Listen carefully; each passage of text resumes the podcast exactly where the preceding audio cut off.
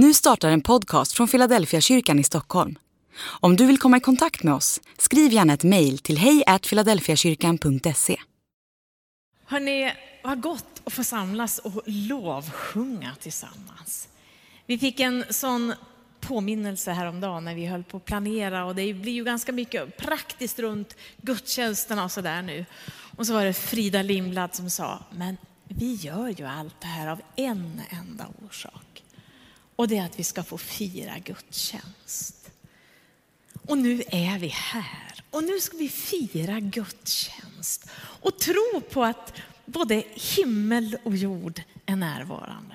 För det är ju det som händer i en gudstjänst, att himlen är närvarande. Så eh, välkommen att fira gudstjänst. Det är precis det vi vill göra idag. Jag vill be en kort bön. Jesus, tack för att du är närvarande. Tack för att du är den som bara längtar efter att få komma nära oss människor. Och nu är vi här. Du vet att ibland brukar jag säga Jesus att nu kommer vi till nådens tron och nu gör vi det tillsammans. De som sitter hemma och de som är här, Herre, nu kommer vi till nådens tron och så ber vi att du skulle röra vid våra hjärtan idag. Bara för att du är du och för att du älskar oss med en evig kärlek. Amen. Ser du vad Gud gör omkring dig? Det är rubriken för idag. Det finns ju så mycket annat också som händer runt omkring oss. Det är nästan svårt att hänga med i allt som händer. Men fokus idag det är att vi ska försöka se vad är det som Gud gör då runt omkring oss och vad vill han göra? Jag ska börja i en berättelse om när jag var 12, 13, 14, jag är inte riktigt säker, men någonstans där måste jag ha varit i ålder. Så fick vi som en extra familjemedlem i vår familj det var Getacho. Han kom från Etiopien och han började komma och vara hos oss med lite längre intervaller och hälsa på. Getacho var blind. Han, han hade fått trakom när han var barn. En sån där kallar vi enkel sjukdom som med lite salva kan göra att man bara blir frisk igen. Men den, de pengarna fanns inte och den salvan fanns inte så trakom tog hans hela syn när han var barn. Och jag minns första gången jag var ute och gick med Getacho. Vi gick längs Södra järnvägsgatan i Långsele och så plötsligt så säger han, vad är det för stort hus på vänster sida? Mm, tänkte jag. Hur vet han det? Vilka är det som står där borta och pratar? Vad är det nu? Är det ett stort träd eller vad är det? Och jag, jag blev så jätteförvånad och jag tänkte, är det så att han kanske ändå ser att han har ledsyn eller så? Jag minns första gången när jag skulle låta honom få testa på snö. Och vi hade fått så här mycket pudersnö och så kommer han och jag försökte förklara och han, han, han hörde att det knarrade när han gick, men inte mer. Och så tog jag den där snön och så la jag den i hans händer. Och han kände ju ingenting, för det vägde ju inget. Tills kylan började komma. Stod han så där. För det kunde han ju liksom inte göra sig en bild av. Jag frågade min pappa, men är det ändå så att Getacho ser lite grann. Och pappa började också fundera för att han visade badrummet en gång och berättade vart allt fanns och det var aldrig en droppe vatten på golvet eller något i oordning när Getacho hade varit där. Men det var inte så. Han såg ingenting. Han var helt blind. Jag måste bara få berätta. Han fick det bästa jobbet sen. Han fick jobba på, i ett mörkrum. Förstår ni vad perfekt? Han hade full rörelse och kunde göra ett jättebra jobb. Men det jag är ute efter det var att Getacho hade som på något sätt en syn, han hade en bild inom sig. Det var som att han, han kunde se det som inte han såg. Och jag tänker på ett bibelord som jag tycker väldigt mycket om. Det är Paulus som skriver om det i Efesebrevet. Han har en bön och han bön, ber för oss och alla. Så säger han så här, jag ber att ni ska få ljus till ert inre öga. Att ert inre öga ska få ljus. Så ber han. Och jag tänker att det är någonting där som vi behöver hitta. Att, det där, att jag kan se mer. För tänk om det var så att han inte kunde alls hantera för att han inte hade en syn, men han kunde se något mer. Och jag tänker du och jag som har synen, jag tror att vi behöver se det som inte syns. Ana och förstå och få en bild, kanske inom oss. Jag tror det är viktigt att se det där osynliga. Det finns en formulering i, i Hebreerbrevet om Mose. Mose hade ju inte bara det enkla livet och då står det så här. Han höll ut därför att han liksom såg den osynlige. Är det inte vackert? Han liksom såg. Det var inte bara någon allmän gissning utan det var som på riktigt. Han liksom såg. Nu ska jag läsa ett bibelord från Johannes 4. Bakgrunden är att här möter Jesus en kvinna, en samarisk kvinna. De har ett samtal. Hon börjar förstå vem Jesus är och hon ger sig därifrån in till staden för att berätta att jag har mött en man som har sagt mig allt. Han vet allt. Under tiden hon går in så kommer lärjungarna tillbaka för de har varit och ska köpa mat i stan. Och nu kommer de och är förvånade över att han har pratat med en kvinna, men de är nu tillbaka hos Jesus. Och så står det så här i Johannes 4 och 34. Jesus sa, min mat är att göra hans vilja som har sänt mig och att fullborda hans verk. Ni säger, fyra månader till så är det dags att skörda. Men jag säger er, lyft blicken och se hur fälten, har vitna, fälten redan har vitnat till skörd. Den som skördar får sin lön, han bärgar grödan till evigt liv så att den som sått och den som skördar kan glädja sig tillsammans. Här gäller ju ordet att en sår och en annan skördar. Jag har sänt er att skörda där ni inte har behövt arbeta. Andra har arbetat och ni får lönen för deras möda. Här möter vi egentligen två olika bilder. Två olika uppfattningar, men definitivt två olika bilder är det som vi möter här. Det är lärjungarnas bild och så den bild som Jesus tycks ha här, som han vill visa på. Ni säger, men jag säger. Han har som en annan bild än vad de sa. Och lärjungarna har ju inte fel i sin bild. De ser ju det som är. Det, ni säger att det är fyra månader kvar till skörd. För det är inte läge för skörd nu. Tiden är inte inne. De ser ju med sina egna ögon. Det finns ingenting där. Och traditionen säger också att det finns ingenting, det ska inte finnas något nu. Alla deras vanor säger det. Det finns ingenting. Och erfarenhet är, men vi har väl varit med förut. Vi vet väl, det finns ingenting. Vi är helt trygga i det. Allt säger egentligen, inte nu. Ingenting nu. Det är mycket som måste vara annorlunda än det som är nu. Omständigheterna måste se annorlunda ut och frågan är väl om det är överhuvudtaget någon som har sått ut någonting där han står och säger att se att fälten har mognat till skörd. Det måste väl ändå ha sin tid. Det är fel tid. Trots det så säger Jesus till lärjungarna, ni säger, men jag säger er. Jag har något annat att berätta. Och så säger han, lyft blicken och se. Det är en helt annan bild som träder fram.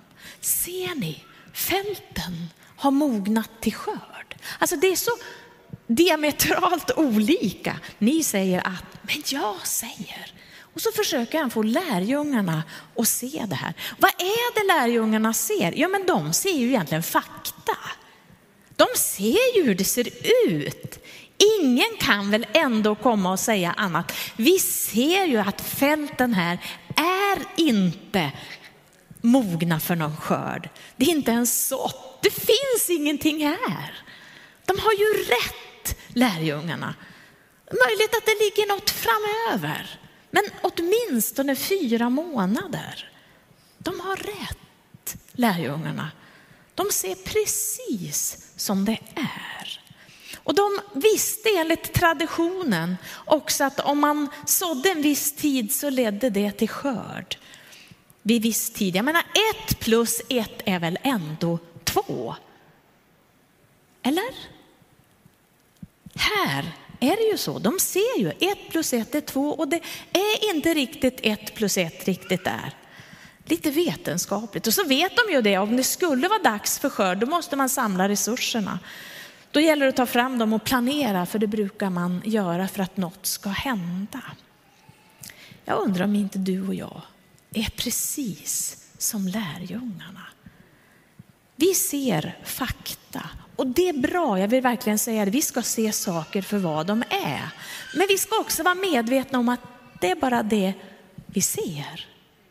Vi ser fakta, det som är, och, och det ska vi göra. Vi har våra vanor, vi har våra traditioner, erfarenheter och vi planerar och det ska vi göra. Men vi ska också komma ihåg, vilken bild har Jesus? Vad är det han har tänkt? När han säger, men jag säger er, då har ju han en annan tanke än med det de har kunnat konstatera. Det som är verkligheten, ja visst är det så. Men jag säger er, det finns något mer. Lyft blicken och se. När jag skulle börja köra bil, jag skulle tro att de flesta har varit med om det här. Visst är det lätt att man bara tittar precis framför motorhuven och så tror man att man ska kunna köra så. För man, man, är så rädd att något ska hända så man, man har bara blicken dit. Så småningom så lär man sig att hålla upp blicken och jag får ju en helt annan koll. Jag blir mycket säkrare som, som chaufför och jag ser vad som händer runt omkring. Jag kan parera och allt det här. Att lyfta blicken, det är jätteviktigt. Och det är viktigt överhuvudtaget för jag kan se längre. Jag kan se mer. Jag kan se större och jag kan få perspektiv. Det är ju otrolig skillnad hur jag tittar när jag lyfter blicken.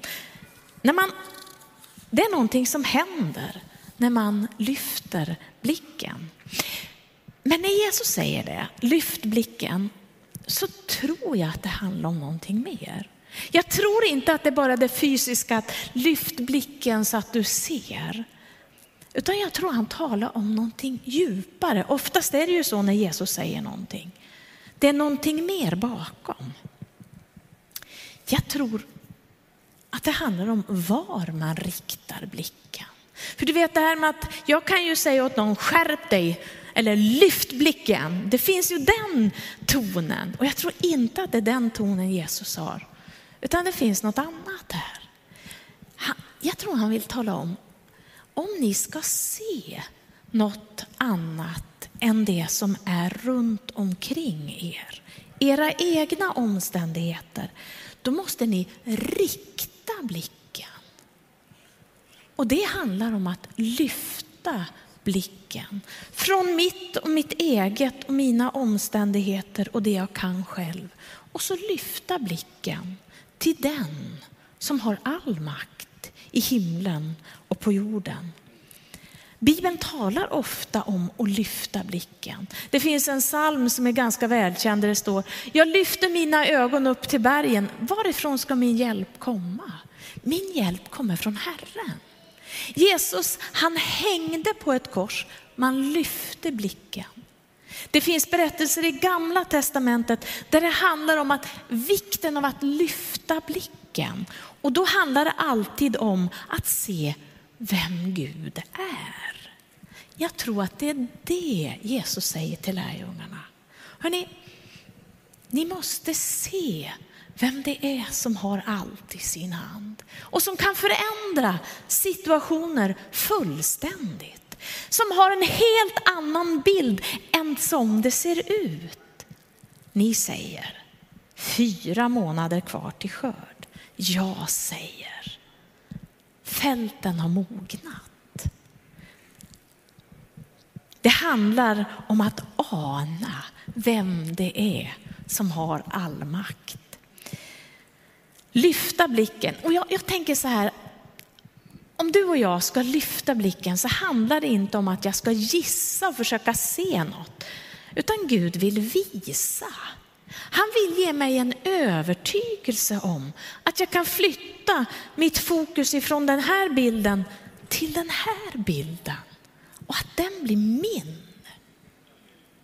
Det är ju inte så att han tänker, ja men du kan väl ändå hoppas. Nej, jag tror han vill visa mig.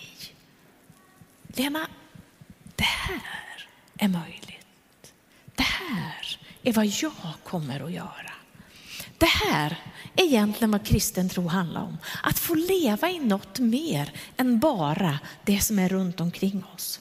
Inte behöva gissa. Jag nämnde om det här inre ögat och Paulus bön. Och jag tänker att det är det han talar om också. Att du ska få se någonting. Och jag ska läsa den här bönen för dig. Och när jag läser den ska du få se att det handlar om vem Jesus är. Alltså, han säger, ni ska få se vilket hopp som ni är kallade till. Men i samma andetag så säger han, det här är den det handlar om. Och så räknar han upp. Lyssna ska du få höra Efesierbrevet 1 och 18 och några versar. En bön, och jag tänker jag gör den bönen till min och vill du vara med i bönen så är det din bön också. Må han ge ert inre öga ljus så att ni kan se vilket hopp han har kallat oss till vilket rikt och härligt arv han ger oss bland de heliga. Hur väldig hans styrka är för oss som tror. Samma oerhörda kraft som han med sin makt lät verka i Kristus när han uppväckte honom från de döda och satte honom på sin högra sida i himlen. Högt över alla härskare och makter och krafter och herravälden, över alla namn som finns att nämna, såväl i denna tiden som i den kommande. Allt la han under hans fötter. Och honom som är huvudet över allting gjorde han till huvud för kyrkan som är hans kropp, fullheten av honom som helt uppfyller allt. Den här texten tycker jag du ska läsa några gånger. För när Jesus säger, men jag säger er, lyft blicken och se, då är det det här han talar om. Det handlar om att rikta blicken till honom som är allt det här. Och jag skulle vilja säga att när jag riktar blicken mot den här guden så påverkar det all fakta det påverkar alla vanor, traditioner, alla sammanhang. Det påverkar mitt liv och jag kan få bo i en annan bild. Därför att det är plötsligt möjligt. Det handlar om att inte vara bunden av, jag säger det igen, vi måste ju se det som är. Jag försöker inte säga att försök att strunta i det som, utan vi måste se saker för vad de är, självklart. Det, men att inte vara bunden av det, utan ana att här finns det någonting mer i allt. I all fakta, i våra vanor och våra traditioner, det finns något mer. Jag återkommer lite till det Men det står en sak till i den här bibelberättelsen. Det står, här gäller ordet. När Jesus fortsätter så säger han, här gäller ordet att en har sått och en annan får skörda. Och det där hör nog ihop med allt. Det är inte så att Jesus bara byter, byter tråd nu, utan det där hör ihop med det här. Det låter ju lite orättvist egentligen. En har sått och en annan får skörda. En investerar och kostar på och satsar och en annan får ta hand om vinsten. Hur låter det? Det kanske inte är direkt det vi drömmer om, men jag har ju... Nej, men här talar ju faktiskt Jesus om sig själv. Jag har sått, jag har investerat, jag har betalat priset för varje människa, för ditt liv, för dina sammanhang, allt som är. Och du ska få skörda. Så det är samma, samma berättelse. Men han talar om, det är jag. Jag har redan betalat. Det är jag som har investerat. Det är jag som har lagt dit den där sådden. Och det är jag som ser till att det växer. Men du, du ska få vara med och skörda. Och så står det det att den som har sått och den som skördar ska få glädjas alltså, tillsammans. Fantastisk berättelse av Jesus. Och så här är det ju. Den enda möjligheten att få flytta ifrån fakta, traditioner och vanor och det som är till en annan bild. Det betyder att det är Jesus som har gjort det. Han har investerat allt för att kunna flytta allt till en helt annan plats. Sen skulle jag vilja säga det då det gäller det här med så och skörda. Det är ju en vacker berättelse också i det. Att jag får vara en del i något och du får vara en del och så vet vi inte riktigt vad det leder. Vi får vara en del i den större berättelsen. Jag måste få ta med den bilden också. För det är viktigt. Det är viktigt att komma ihåg att det handlar inte bara om mig. Till exempel en människa som tar emot Jesus och jag tror att det är jag som har gjort allt. Nej, oftast är det många olika delar och tillsammans får vi glädja oss. Och när situationer förändras så kanske jag har gjort mitt och du har gjort ditt och så tillsammans får vi dela glädjen. Och vi får ta emot resultatet av det Jesus har investerat och gjort för oss människor. Det är generöst, men sån är ju Gud. Nu ska jag landa och då skulle jag vilja ställa en fråga idag. Ser du vad Gud gör omkring dig? Ser du vad som händer? Inte bara det som är, utan det Gud vill göra i ditt liv. Eller är det så här? Ja, men så här ser mitt liv ut. Jag vet hur det är. Jag har det här att brottas med. Det här är min situation. Det här är min, mitt sammanhang. Det här fattas i mitt liv och jag har inte ordning på allt. Eller jag har det som jag förtjänar. Jag har inte gjort tillräckligt. Eller allt är i ordning. Jag behöver ingenting. Du har koll på det mesta. Tänk om det är så att Jesus säger till dig idag, men jag säger dig.